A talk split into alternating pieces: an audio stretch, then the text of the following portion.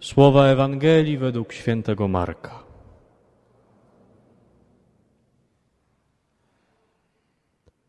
Jezus przyszedł do swojego rodzinnego miasta, a towarzyszyli mu jego uczniowie.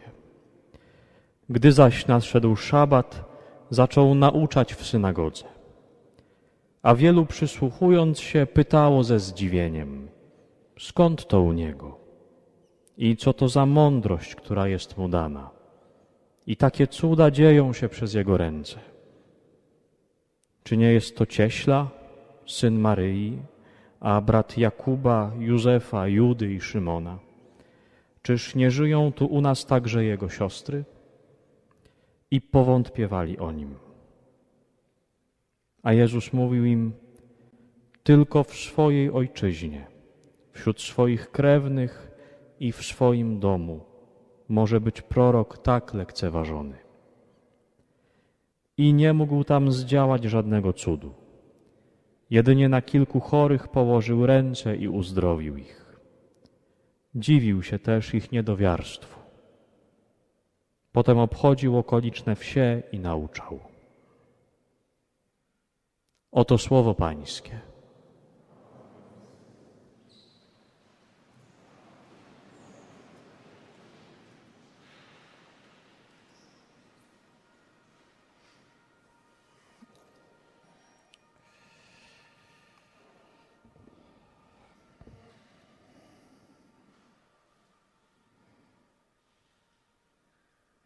Kiedy miałem zostać księdzem, e, mieli mnie wyświęcić na księdza.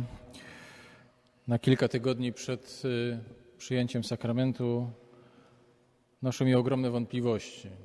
Coś, co mógłbym nazwać taką prawie że rozpaczą, e, z takim poczuciem, że właściwie kompletnie się na to nie nadaje.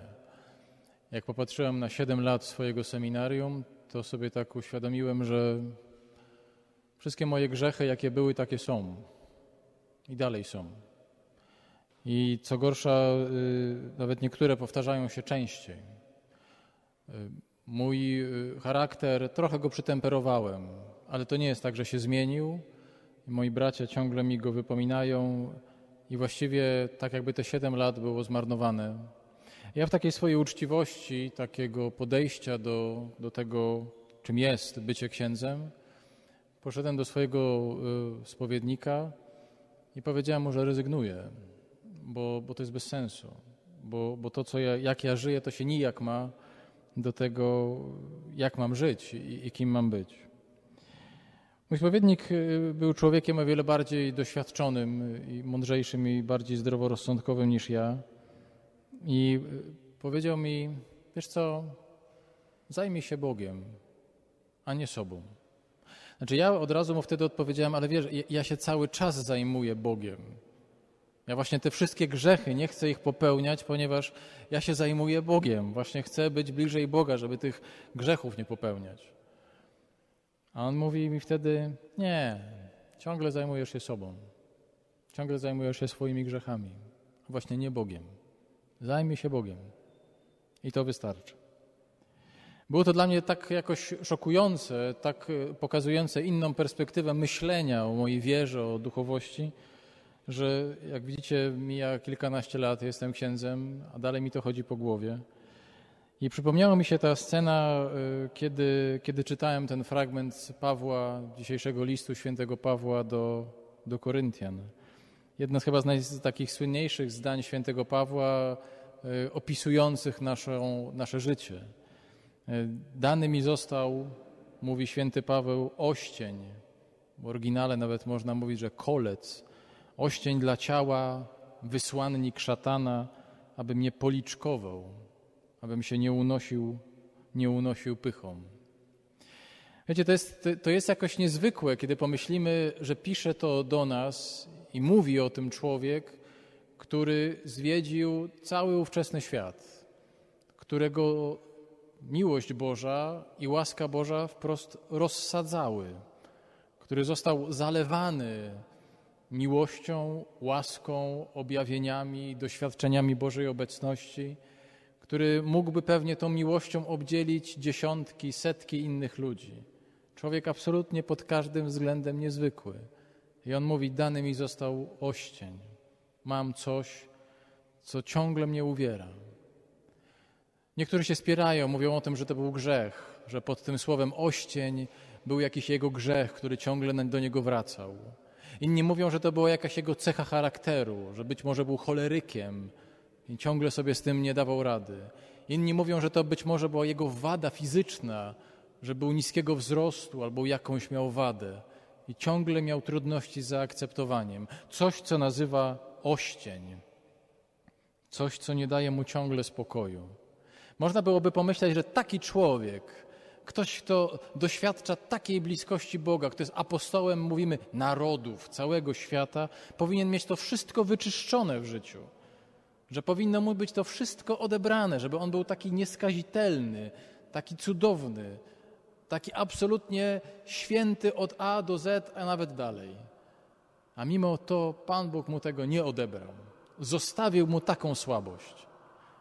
Wiecie, jaki z tego wniosek wynika, że można się zbawić, że można być świętym, że można być blisko Boga nawet ze swoim ościeniem, nawet z czymś, czym sobie nie dajemy rady. Z czymś, co ciągle i ciągle do nas wraca, my się ciągle z tym zmagamy i możemy być święci. Możemy być blisko Boga z tym, z tym naszym kolcem, do, o którym mówimy Panu Bogu: zabierz to już, zabierz to ode mnie. Już, żeby już niego nie było, jesteśmy tym udręczeni, zmęczeni, a my to mamy, tak jakby Pan Bóg mówił to, co mówi do Pawła. Zbawisz się z tym. Zbawisz się. Naprawdę. Zbawisz. Druga rzecz, która, która jest w tym zdaniu bardzo również szokująca, jak Paweł mówi, żebym się za bardzo nie unosił pychą, to mam to, mam to. No można trochę powiedzieć, to trochę dziwne, bo wygląda na to, jakby Pan Bóg ciągle mu podstawiał nogę. No co, unosił się, jakby ten Paweł już tak rósł duchowo, a Pan Bóg mu ciągle podstawiał nogę. A to nie o to chodzi. Chodzi o bardzo ważną cechę naszego życia duchowego, która się właśnie wyraża w duchowej pysze. Wiecie, my tą pychę traktujemy trochę tak na zasadzie takiego obnoszenia się, puszenia, co to nie ja. To nie o to chodzi, to jest śmieszne. Duchowa pycha to jest, to jest, to jest ta wyższość, która czasami się w nas odzywa. To jest ta pogarda dla ludzi, że są głupsi, że, że, że w ogóle bije ich po prostu trzy poziomy wyżej, że otaczam się głupcami, że jakimiś idiotami się otaczam. Co ja tu w ogóle robię?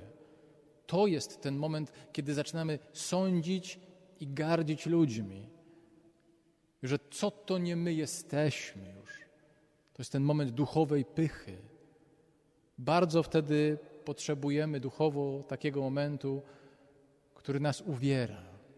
Bo moglibyśmy uwierzyć, że już naprawdę jesteśmy święci i tylko naprawdę chwila, moment i idziemy do nieba.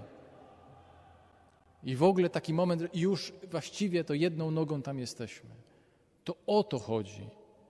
To jest taka kontra naszej samowystarczalności, że potrzebujemy Boga właśnie w tym, żeby ciągle dawać sobie radę z tym kolcem, tym ościeniem, bo duchowa pycha jest straszna. Bo duchowa pycha zamyka nas na innych i na siebie, na wszystko, na cały świat. Adorujemy narcystycznie siebie wtedy. Tacy jest, przeglądamy się w tej naszej cudowności, intelektualnej, błyskotliwości. Tacy jesteśmy fajni, widzimy tylko siebie.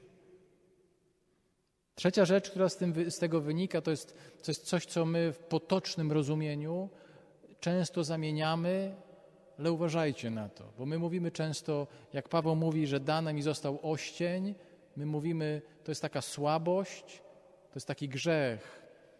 I jak tak mówimy potocznie, to to jedno z drugim jakoś daje się wytłumaczyć. Natomiast słabość to jest pewna cecha charakteru.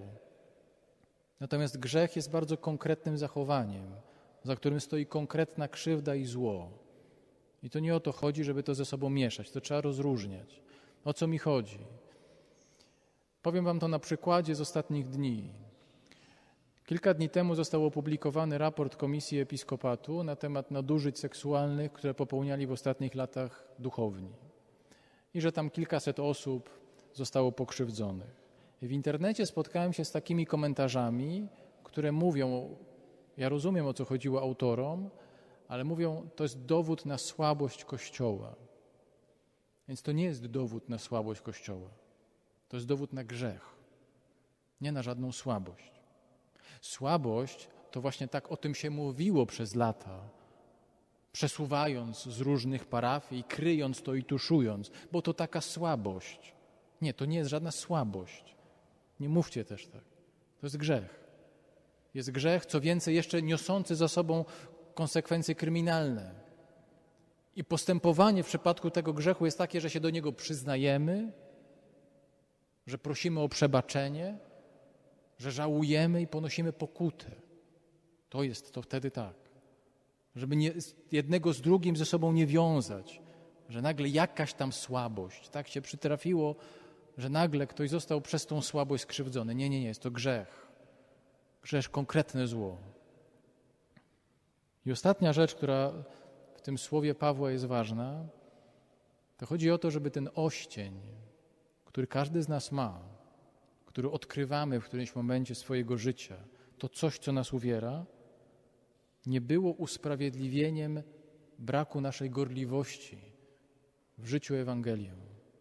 Żeby nie było tak, że jak sobie nazwiemy to, że skoro ja mam taką słabość, to ja nie jestem w stanie spełniać wymogów Ewangelii.